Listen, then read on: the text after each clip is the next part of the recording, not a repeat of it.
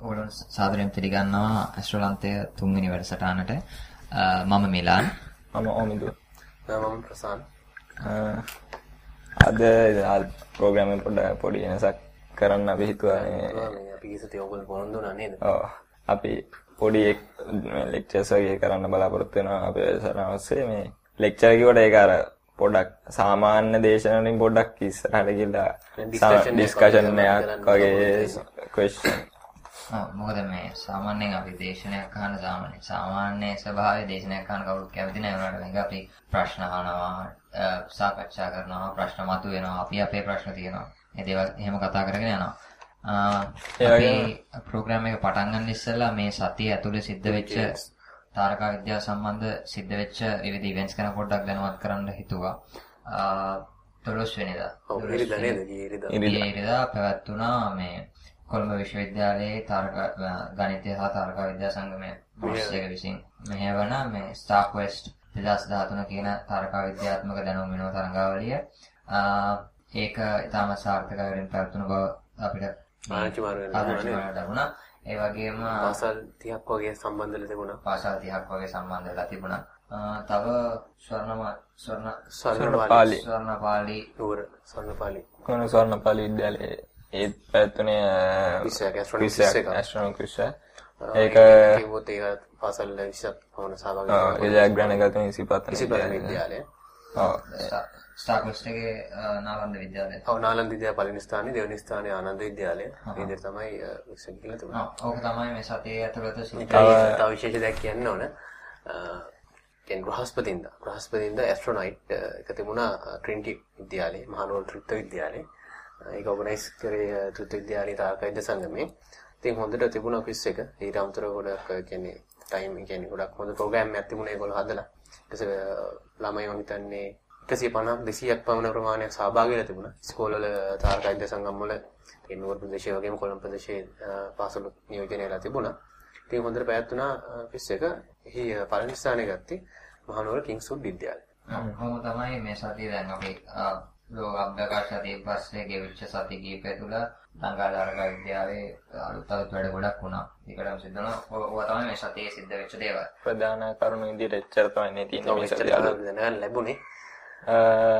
ඒ වගේම ඉතින් අපි කියන්න කැමතියි දැන් තාරකා විද්‍යාව සම්බන්ධයෙන් යම්කිසි දැනුමක් ලබා ගැනීමට අවශ්‍ය කට්ටියට අපිත් එක්ක දෙන්න එකතු වෙන්න පුළුවන් අපේ මේ ඩිස්කෂන් එක එකතු වෙලා ඕගොල්ලන්ගේ අදහස් අපිට කියන්න ප්‍රශ්න අපිට යොමු කරන්න පුළුවන් යොමු කරන්න පුළුවන් ඒ වගේම ඕගොල්ලෝගේ පාසලේ හරි කොහේ හරි ඕගොල්ලෝ කියන්නේ ඕගොල්ලෝ ඉගෙන ගන්න ස්ථානයක මොනවා හරි තාරක විද්‍යාවට අදාළ දේවල් තරංග ඊට පස්සේ මොනවා හරි සංවිධානය කරන්න ඕන නයිට් කැම්ප්ස් වගේ දේවල් තියෙනවා නම් අපිට ඕගොල්ලෝ දැනුම් දෙන්න පුළුවන් අපිටත් ඕගොල්ලොන් එක එකතු වෙන්න පුළුවන්. ඔයගොල්ලන්ට මොනවා හරි ප්‍රශ්න තියෙනවා නම් අපි ඩිස්කෂන් එක අහලා එතන කමෙන්ට් කරන්න පුළුවන්. එතකොට අපිට ඒ වෙලාවෙම මේ කමෙන්ට්ස් වලට උත්තර දෙන්න පුළුවන්. නැත්නම් අපිට ඊළඟ සතියේ වෙනම කාලයක් වෙන් කරන්න පුළුවන් ඕගොල්ලොන්ගේ ප්‍රශ්න වලට උත්තර සපයන්න. එහෙම තමයි අපිට මේක ඉස්සරහට වෙන්නේ. ඔය මේ අපි හිතන ඒක වැඩියෙන් ප්‍රයෝජනවත් වෙයි කියලා අපේම අදහස් වලින් මේක අරන් යනට වැඩිය. වඩා ඒගොල්ලෝ තියෙන මේක අහන කට්ටියගේ අදහස් තමයි වැඩගත්තේ. මොකද ගොඩක් තාර්ක විද්‍යාවට අලුත් කට්ටිය ඉඳී ගොඩක් දුරට ඒක වගේම තාර්ක විද්‍යාව හදාරපු අය හදාරන අය හැමෝම ඉඳී.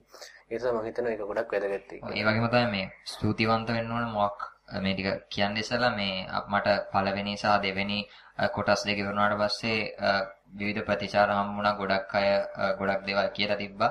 ඒ හැමෝටම ස්තුතිවන්ත වෙනවා. මොකද එතකොට අපිට දැනුණා මේකත් එක්කලා පිරිසක් එකතු වෙලා ඉන්නවා කියලා. ඉතින් ඒ හැමෝටම කියනවා දිගටම අපිත් එක්ක එකතු වෙලා ඉන්න. මොකද ඇස්ට්‍රොනන්තය හරහා ඔයගොල්ලන්ට තාරකා විද්‍යාව ගැන ලොකු දේවල් දැනගන්න හම්බෙයි. අද අපි බලාපොරොත්තු වෙන්නේ තාරකා විද්‍යාවේ ඉතිහාසය ගැන කතා කරන්න. තාරක විද්‍යාවේ ඉතිහාසය ගැන. ඉතිහාසය ගත්තොත් අපි කොහෙන්ද පටන් ගන්නෙ? සාමාන්‍ය ඉතිහාසය ගත්තොත් ඇත්තටම ලෝකෙ දැන්ට ලෝකෙ තියෙන පරණ විද්‍යාව තමයි තාරකා විද්‍යාව කියන්නේ. දැන් මට දැන් අපි දෙන්න අපි තුන් දෙනා කතා කරමු මම කියන්නේ. මේ තාරකා විද්‍යාව ඇයි පරණ විද්‍යාව වෙන්නේ? මම හිතන්නේ. මොකද මේ මිනිස්සු ගත්තොත් ඒ කාලේ ගත්තොත් කියන්නේ හැමෝම කියන්නේ ගෙවල් දොරවල් වල නෙවෙයිනේ කියන්නේ ගල්ගුවාවල ඒ වගේ ස්ථානවල ඒ මහාන දැන් ගොඩක් ඉඳලා තින්ති. ඒගොල්ලෝ එළියට ආවම ඒගොල්ලෝ මුලින්ම දකින්න ලැබෙන දේ මොකද්ද? අහස. අහස. ඒක තමයි මම හිතන්නේ මූලික පදනම වෙන්නේ නැත්තේ තාරක විද්‍යාව පරණ විද්‍යාවටපත් වෙන. ඒක හරියටම හරි. මොකද ගණිතය සහ තාරක විද්‍යාව තමයි ලෝකේ පරණ විද්‍යාවන් දෙක.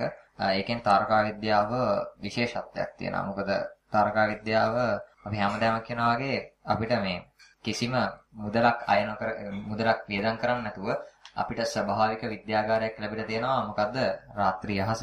ඉතින් මේ රාත්‍රී අහස මානව වර්ගයේ ආරම්භ වෙච්ච මුල් කාලේ ඉඳලම මිනිස්සුන්ට ලොකුම කුතුහලයක් බවට පත් වුණා. ඒකින්ද මේ රාත්‍රී අහසේ තියෙන අසිරිමත් දේවල් නරඹන ගමන්ම ඒ නැරඹීම තුළින් තාරකා විද්‍යාව විවුණා කියලා මම හිතනවා. ඇත්තටම ගොඩක් අය හිතුවේ ඒක ඒක අසිරිමත් වගේම ඒක ඒක ඒගොල්ලෝ දේවත්වෙන් අදහන්නත් පුරුදුනා ඒකත් එක්කම ඒගොල්ලන්ගේ අර නොදැනුවත් භාවයත් එක්ක. ඔව් ඉතින් ගොඩක් දුරට වන්දනාමාන කියන්නේ දරුවන්ට වන්දනාමාන කිරීම මේ වගේ දේවල් තායදත් හිතන සූර්යා වන්දනාමාන කිරීම මම හිතන්නේ මේ ගොඩක් දේවල් ඔයගොල්ලෝ දන්නවත් ඇති. ඒ වගේ අවස්ථා තිබුණා. ග්‍රීක ජාතියන් හිතුව ඒක අර ඒක දේව දෙවියන්ගේ වාසස්ථානයක් දෙවියන්ගේ කියලා. වාසස්ථාන කියලා. මුල් කාලීන මුල්ම කාලීනව මම හිතන්නේ ඔය දේවත්වේලා සලකන්න කලින් ඒගොල්ලෝ බය වුණා මම හිතන්නේ. සාමාන්‍යයෙන් ආ ඒ කියන්නේ ඒ කියන්නේ ඔය මුල්ම කාලීන මානවයා අහසේ සිදුවෙච්ච විවිධ විවිධ සිදුවීම් විපර්යාසයන් වලට ගොඩක් බය වුණා. උදාහරණයක් විදිහට අපි හිතමු උල්කාපාත වර්ෂාවක් වගේ ඒ කියන්නේ ඒ කාලේ හැටියට ස- දැන් දැනුත් විවිධ කාලාන්තරයක් යනවා ඒක ඒ වගේ දේවල් සිදු වෙන්න. නමුත් ඒ වගේ දේවල් වලට ඒ කාලේ ජනතාව ඒ කියන්නේ ඒ කාලේ මානවයා ඉතාමත් බය වුණා මොකද මේ අ, සාමාන්‍ය ඒගොල්ලෝ අර ගල් ගුහා වලට ගිහිල්ලා හැංගිලා හිටියා. ඒ වගේ ඒ වගේ දේවල් සිද්ධ වුණා ඒ කාලේ. ඔව්.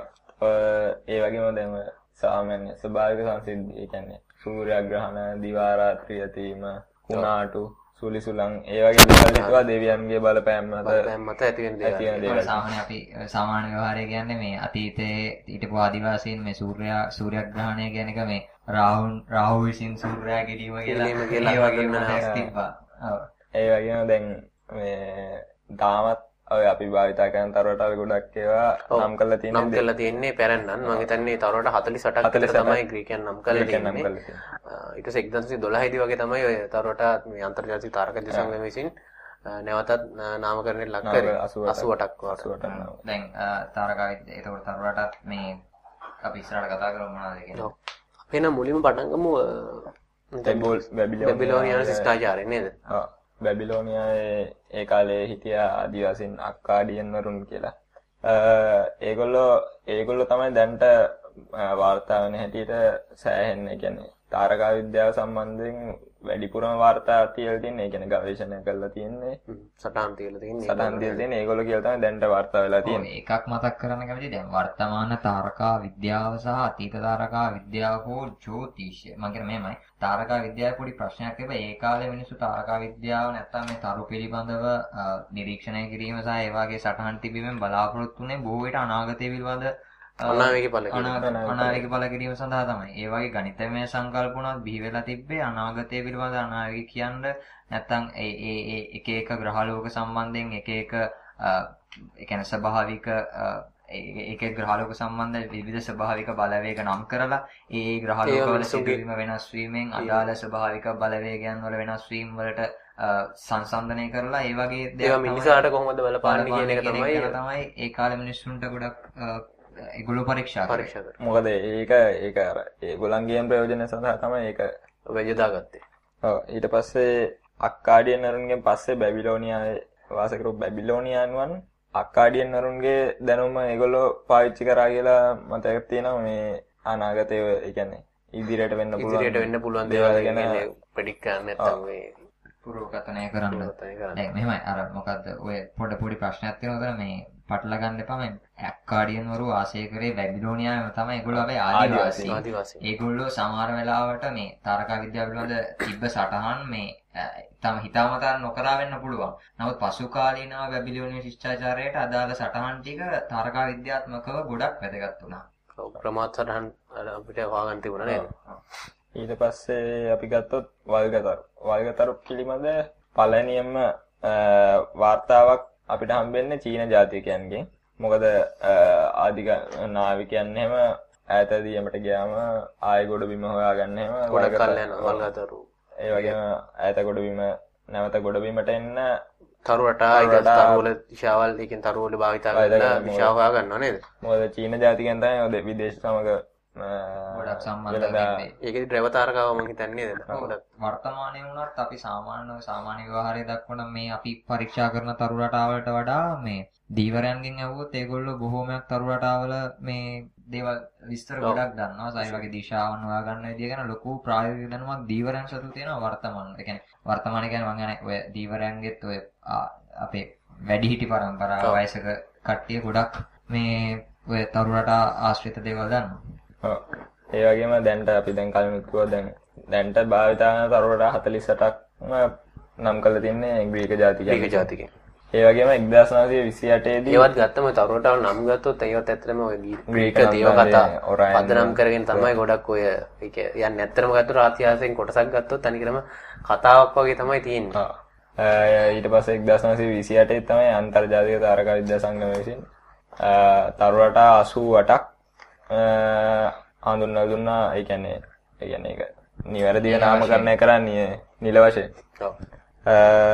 ඊට පස්සේ තාරකා විද්‍යාව පිළිබඳ ගවේෂණය කළ විවිධ මතවාද ඉදිරිපත් කළ අය අතරින් ප්‍රථම ස්ථානයේ ඉන්නේ ග්‍රීක ජාතික. ග්‍රීක ජාතිකින් ඔව්. අ, උදාහරණයක් විදිහට ගත්තොත් Thales, Aristotle, total Aristarchus, Aristarchus Plato Plato, Ptolemy. Ptolemy ඒ වගේ කට්ටිය තමයි දාර්ශනිකයෝ හඳුන්වන්න පුළුවන්. මොකද ඒ කියන්නේ ඉස්සර ඇත්තටම මේ තාරකා විද්‍යාව තියෙන මිත්‍යා දෘෂ්ටිකයන් තමයි කියන්නේ මේකට වන්දනාමාන කරන එක මේක මෙහෙමයි උනේ. හැමදේම ඇත්තනම පෘථිවිය මූලික කරගත්ත සමාජයක් තමයි තිබුණේ. ඔව් පෘථිවිය තමයි මේ විශ්වය වුණත් පෘථිවි කේන්ද්‍රික පෘථිවිය විශ්වය විශ්වයක් තමයි. තිබුණේ. අපි ඔකට පෘථිවි කේන්ද්‍රවාදී පෘථිවි කේන්ද්‍රවාදී කියලා කියනවා. මොකද මේ ඒ කාලේ ආදිකාලීන ග්‍රීක ම, ඔය දැන් තේල්ස් ඇරිස්ටෝටල් ඇරිස්ටාකස් ප්ලූටෝ ඒ කට්ටිය ටොලමි කට්ටිය ඒගොල්ලෝ සාමාන්‍ය ඒ ඒ කාලේ සමකාලීන ග්‍රීකයන්ට වඩා වෙනස් විදිය මත දරපු අය. එතකොට ඒගොල්ලෝගේ මතවල ලොකු කියන්නේ විරුද්ධ දේවල් සිද්ධ වුණා. සාමාන්‍යයෙන් ඒ කාලේ ඔය තාරකා විද්‍යාව පිළිබඳ විද්‍යාත්මකව බැලීම. අඩු කියන අනික ඒගොල්ලන්ගේ දර්ශනයත් එක්ක බැලුවම ඒ කාලේ මිනිස්සු හිතාගෙන හිටියවා තනිකර අනිත් පැත්ත අනිත් තියෙනවා. පැත්ත වෙනවා නේද? හරිම පරස්පර විරෝධී ඒකින්ද මේ ඔය කියන විද්‍යාඥයන්ට දේශියුන් නැහැ තමන්ගේ විද්‍යාත්මක මතයන් සමාජගත කරන එක. නමුත් යම්කිසි මට්ටමකට තාරකා විද්‍යාව කියන එක අර මිත්‍යා දෘෂ්ටයන්ගෙන් මුදාගෙන ඒක විද්‍යාවක් බවට පරිවර්තනය කරන්න ඒගොල්ලන්ගේ මූලිකත්වය මූලිකත්වය ලැබුණා. ලැබුණා. ඒ කියන්නේ අර ඒ කවුරුන්ට අර කියද්දි කියද්දි මිනිස්සු නිකන් බැලුවා මේක ඇත්තද කියලා හිතන්න පුරුදු නැහැ. ඉස්සරහට එනකොට දර්ශනයක් විදිහට නෙමෙයි. ඒ සාක්ෂිත් පදනම් කරගෙන තමයි ඒක මේ පැහැදිලි කරන්න පටන් ගත්තේ. ඉතින් එතකොට උදාහරණයක් විදිහට කියන්නේ පරණ මේ ද්‍රව තාරකාව විවිධ දේශන් වල දිස්වෙන ආකාරය දැන් මොකද ඔය ලෝකයේ ගෝලාකාරයයි පැවසීම ලෝකයේ ගෝලාකාරයයි පැවසීමට විවිධ සාක්ෂි පදනම් කරගත්තා. දැන් උදාහරණයක් විදිහට ග්‍රීකයෝ නැව් වලින් යද්දී නැවේ තුඹ ඒක එකක්. ඒ කියන්නේ සිටිජේ සිට නැවක් නැගිද්දී මුලින්ම තුඹ ගහ පේනවා. ඒ වගේ ඒ කතන්දරය සහ තාරකා පදනම් කරගෙන මෙහෙම කරා ඒගොල්ලෝ. ග්‍රීකයෝ නැව වලින් යද්දී විවිධ දේශයන් වලදී ද්‍රව තාරකාව දිස්වන්නේ විවිධ කෝණ වලින් අහසේ. එතකොට මේගොල්ලෝ ඒ කාලේ ආදිකාලීන මතයක් තිබ්බනේ පෘථුවිය රොටියක් වගේ තැටියක් කියලා. මේ ඒ වුණාට මේ පසු කාලීනව ඔය ඔය සාක්ෂි පදනම් කරගෙන මේ ගෝලා ගෝලයක් ගෝලාකාරව විශ්වාස කරා. ඊට පස්සේ ග්‍රීක යුගයෙන් පස්සේ අපිට කතා කරන්න මේ කියන්නේ තාරකා විද්‍යාව පිළිබඳව වැඩියෙන්ම අවධානය යොමු කරලා තියෙන්නේ අරාබි ජාතිකයන්. ඔව් ඒත් අර ග්‍රීකයේදී පොඩි පොඩි දේවල් ගැන ටිකක් කියන්න ඕන මොකද මේ ටොලමි ගත්තොත් ටොලමි ගොඩක් කිව්වේ එයා කිව්වේ පෘථිවි කේන්ද්‍රවාදී. එයා තමයි. මූලිකවම පෘථිවි කේන්ද්‍රවාදී කියන එක මේ ප්‍රකාශ කරේ. අනිත් එක මේක ඒකට ගොඩක් සාධක ඒවත් ඉදිරිපත් කරා. ඇත්තටම බැලුවොත් අපිට හිතෙන්නේ පෘථිවිය වටේ තමයි ඔක්කොම දේවල් භ්‍රමණය වෙන්නේ, චලනය වෙන්නේ කියලා. ඇත්තටම ඒක වැරදි වුණත් තාරකා විද්‍යාත්මක පිළිබඳ ඒ කියන්නේ විශ්වය පිළිබඳ ආකෘතියක් ඉදිරිපත් කිරීම ලොකු දෙයක්. ඔව්. ආකෘතියක් ඉදිරිපත් කිරීමට සිටීම ලොකු දෙයක්. ඔය ඒ කාලේ තිබ්බ තාක්ෂණයත් එක්ක ගත්තොත් ඔය ඇත්තම තාක්ෂණික දේවල් නිරීක්ෂණය තමයි මූලික දේ. ඒ සාමාන්‍ය- වෙනකොට හොයාගන්න නෑ, නෑ. හොයාගන්න හිතලවත් නෑ. එතකොට ඒ ඒ ඒ ආකෘතිම ඉදිරිපත් කිරීම ඉතාමත් වැදගත් වුණා. මොකද ඉදිරියට ආකෘති වෙනස් වෙන්න අලුත් ආකෘති හැදෙන්න ඒ ආකෘතිය වැදගත් වුණා. මම හිතන්නේ. ඔව්. ඊට පස්සේ තමයි ඒ කියන්නේ ග්‍රීක යුගයෙන් පස්සේ අපිට අරාබි. වා- මේ අරාබිගේ තමයි අරාබි ජාතිකයන් තමයි මේ වැඩියෙන්ම තාරකා නිරීක්ෂණයේ යෙදුණා කියලා වාර්තා තියෙන්නේ. සමකාලීන මේ මොනවද ඊජිප්තු? ඔව් ඊජිප්තු සමකාලීන අරාබි. අප්‍රිකානු රටවල් ආශ්‍රිතව නේ උනත් ඔය බලා ගන්න පුළුවන් ඊජිප්තු චිත්‍ර මොනවද ඒවට කියන්නේ? අපි රූපාක්ෂර ඔව් හයිඩ්‍රොලිපික් ඔව් ඒ වගේ අර මොනවද අපි කියනවා ඒගොල්ලෝ සැලකුවා රාත්‍රී යහස දේවතාවියක් විදිහට.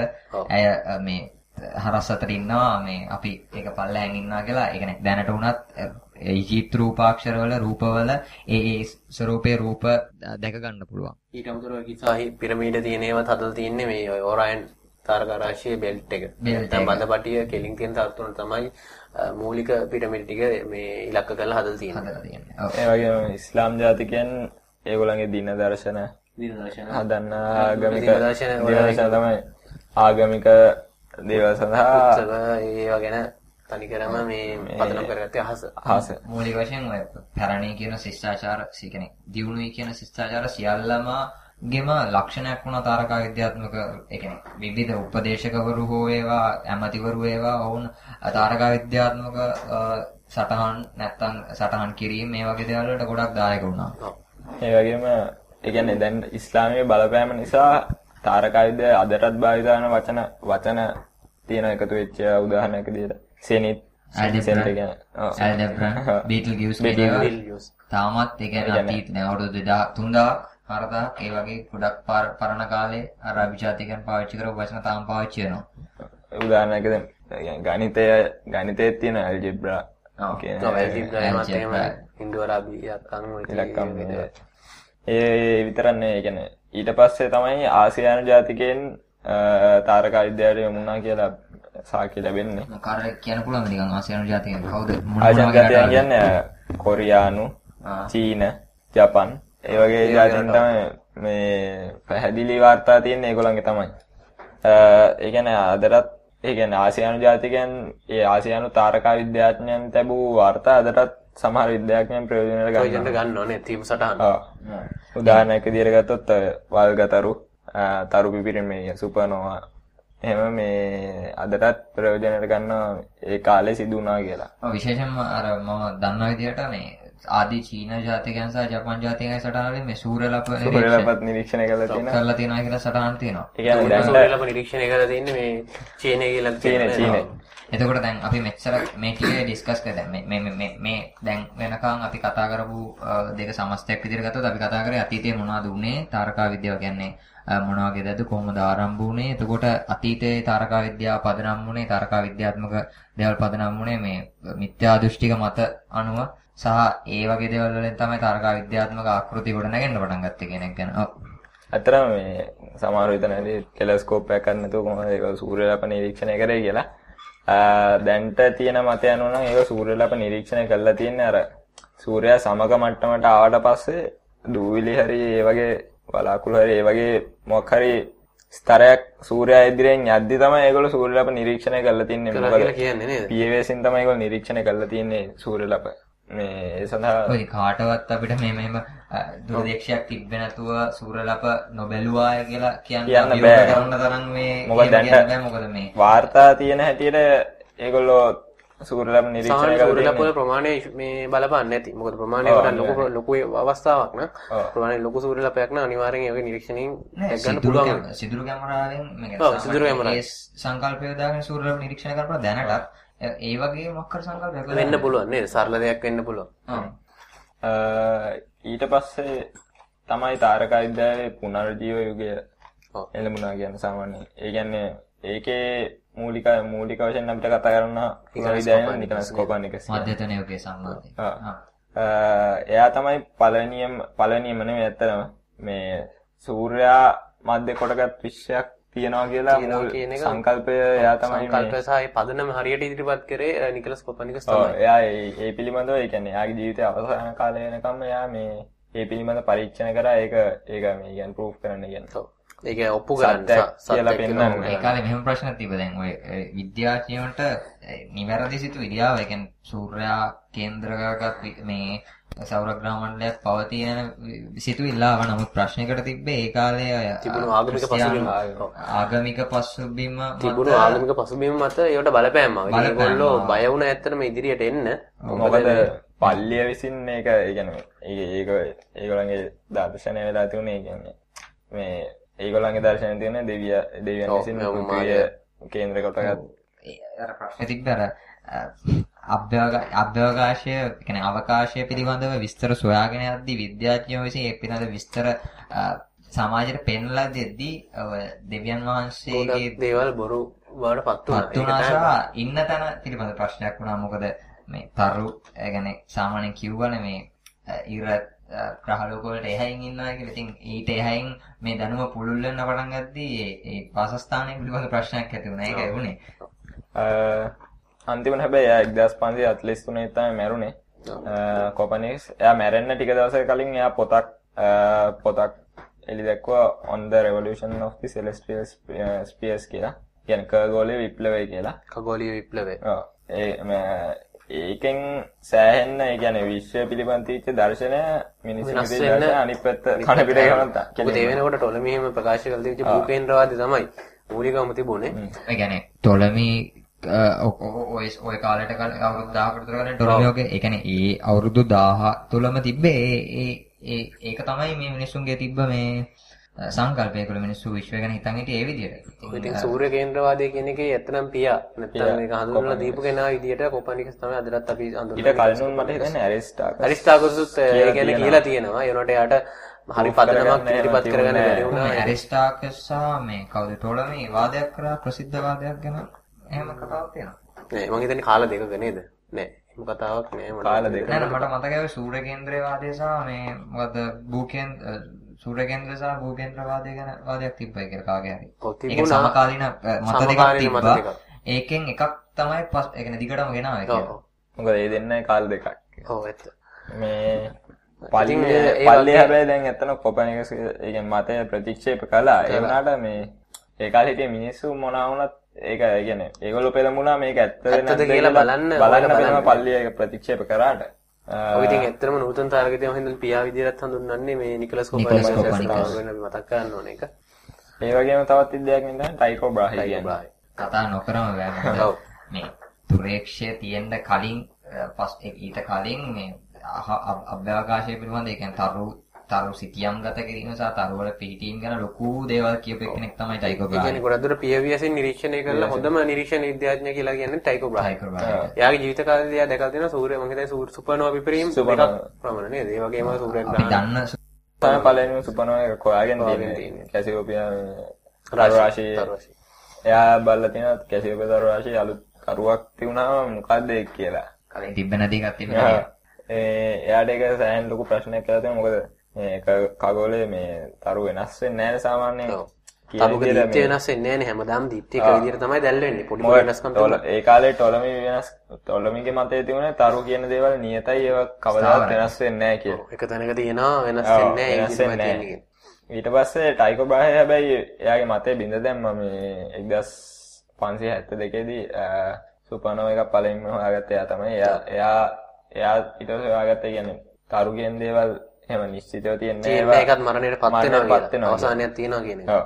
ඇත්තටම මේ සුපර්නෝවා එකක් සිද්ධ වෙන්නේ කියන්නේ තරුව මිය යාමත් එක්ක තමයි සුපර්නෝවා එක වෙන්නේ.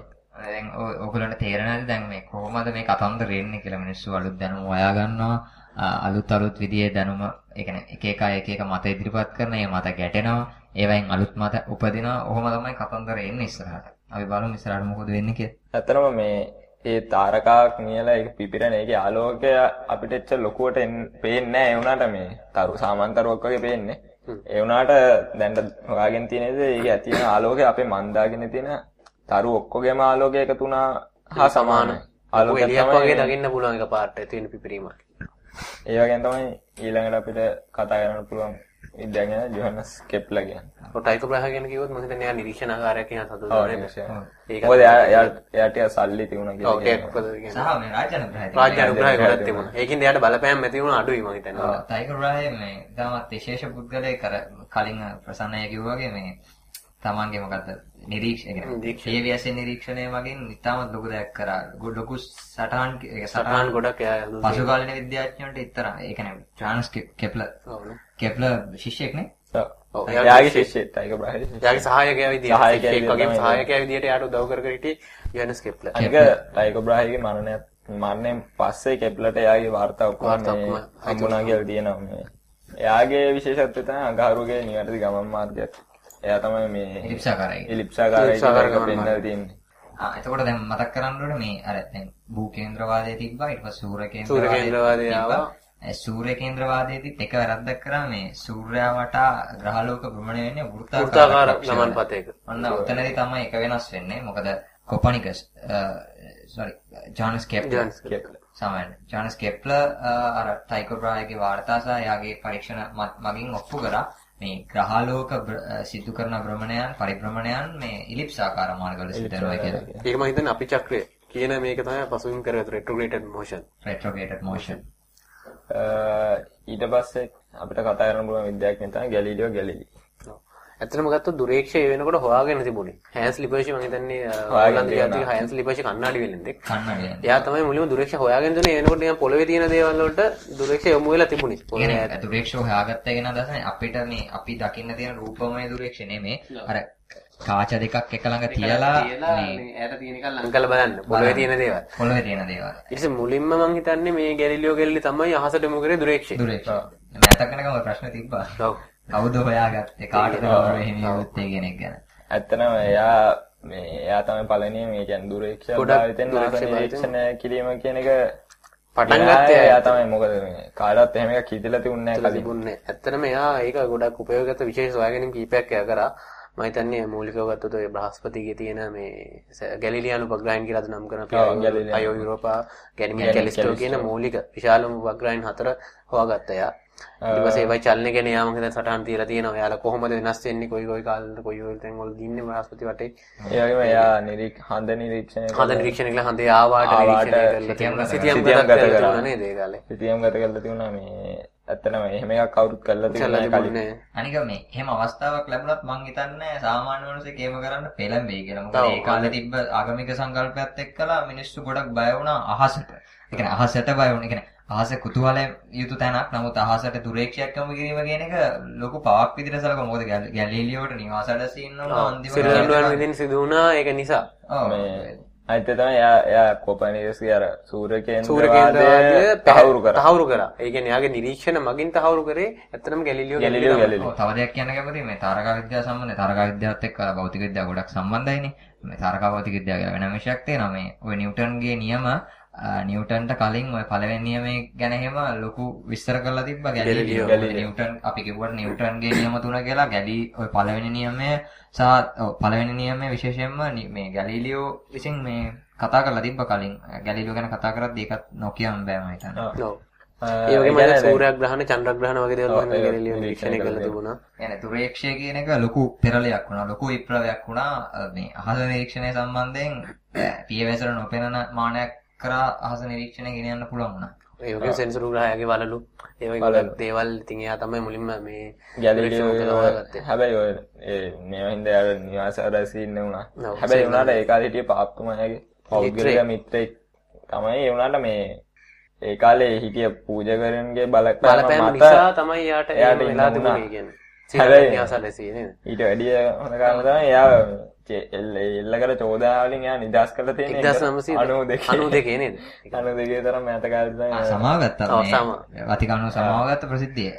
තව දෙයක් මතක් කරන්න මේ මම නිකන් මේ කියන්නේ මේක සම්බන්ධ පොඩි සම්බන්ධයක් තියෙනවා මේ නිකන් ඕගොල්ලෝ ඉන්න ගමන් හොයලා බලන්න ඉලුමිනාටි කියන වචනේ පොඩ්ඩක් සර්ච් කරලා බලන්න Google එකේ පොඩ්ඩක් කතන්දරේ පොඩ්ඩක් බලන්නකෝ.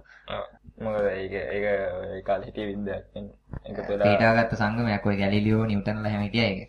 හරි අපි කතන්දර ඉස්සරහට ගෙනියමු. ඒ වගේම ඊළඟට ඊළඟ අපේ කතා කරන සර් අයිසෙක් නිව්ටන් තාරකා විද්‍යාව සම්බන්ධයෙන් ඉතාල ඉතා විශාල සේවයක් ඉටු කර මේ පුද්ගල තමයි. අයිසෙක් නිව්ටන් කියන්නේ. එයා ඒ කියන්නේ තාරකා විද්‍යාව සම්බන්ධයෙන් නේ විවිධ ශේෂ්ත්‍ර වලින් ක්ෂේත්‍ර ගොඩක. සාමාන්‍යයෙන් ඒලව කරන ළමයෙක් ගාවත් කියයි. නිව්ටන්ගේ සිසිලන් නියමයේ ඒවා නිව්ටන්ගේ ඔව්.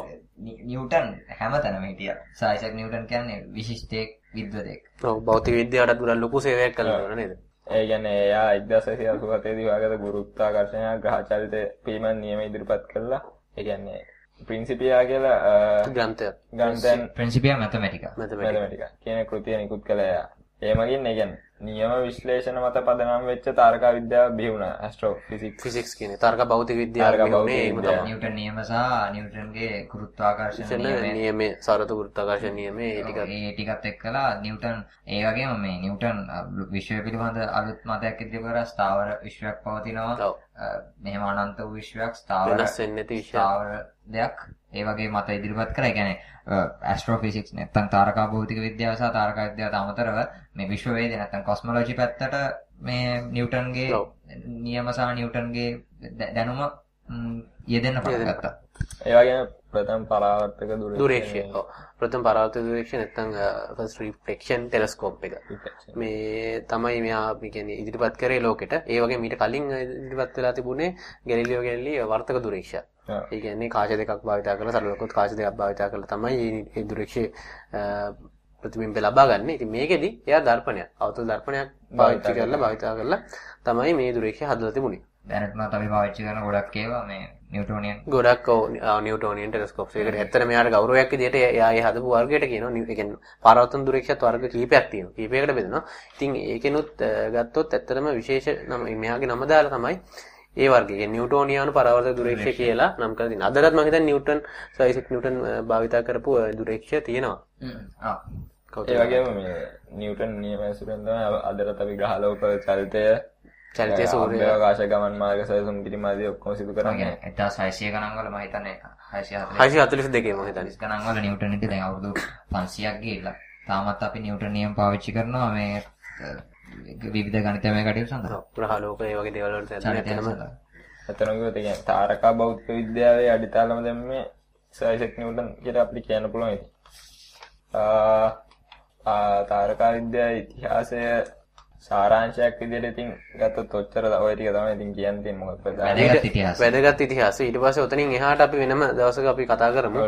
මොකද ඊට පස්සේ විලියම් හර්ෂෙල් ඒ වගේ විද්‍යාඥයෝ හිටියා. යුරේනස් හොයාගන්න එක. ඊට පස්සේ ඔය මෑත කාලේ මෑත කාලේ. සිදුවීම් ගැන අපි ඊළඟ දවසේ කතා කරන්න බලාපොරොත්තු වෙනවා. අනික මේ මේ මේ පිළිබඳවත් ඕගොල්ලොන්ට එන ප්‍රශ්න අපිට මතු කරන්න අපි දිගටම සාකච්ඡා කරමු. මොකද මේ පිළිබඳව තව ලොකු විස්තර ගොඩක් අපි මේ සාරාංශයක් ඔය කිව්වේ අපිට මේ සමහර විට අපිට මග හැරෙන්න තැන් තියෙන්න පුළුවන් පොඩි පොඩි ස්ථාන. ඉතින් අපි ගොඩ දුර මේ ඒක ගැන තව කතා කරනවා නම් තව කතා කරන්න ගොඩක් කතා කරන්න කතා කරන අපිට තව මේක ඇත්තටම දවසක් විතර කතා කරන්න පුළුවන් දෙයක් ඉතිහාසයනේ. රටක ඉතිහාසය වුණත් එහෙමයි. ඒ වගේ තමයි තාරක ඉතිහාසය වුණත් ගොඩක් ඈත අතීතයට විහිදලා යනවා. ක්‍රිස්තු පූර්ව මං හිතන්නේ 6000න් එහාට වගේ. විසිරලා යනවා. ඒක එහෙම නවතින්නත් බෑ. මොකද පරණ විද්‍යාව වෙන්නේ තාරක විද්‍යාව. එතකොට අනිවාර්යෙන් පටන් ගත්තේ කියන්නේ ජීවියක් හිටියේ කාදද ඩායි නම් තාරක විද්‍යාව ගැන ඇත්තටම කතා කරන්න පුළුවන්. හිතනවා ඉතින් අද ඕගලන්ට තාරකා විද්‍යා ඉතිහාසය ගැන යම් කිසි දැනුමක් ලැබෙන්නේ නැති කියලා. මොකද මේ තාරකා විද්‍යාව ගැන අලුතෙන් ඉගෙන ගන්න ඉන්න පුළුවන් ඉගෙන ගත්තා ඉන්න පුළුවන්.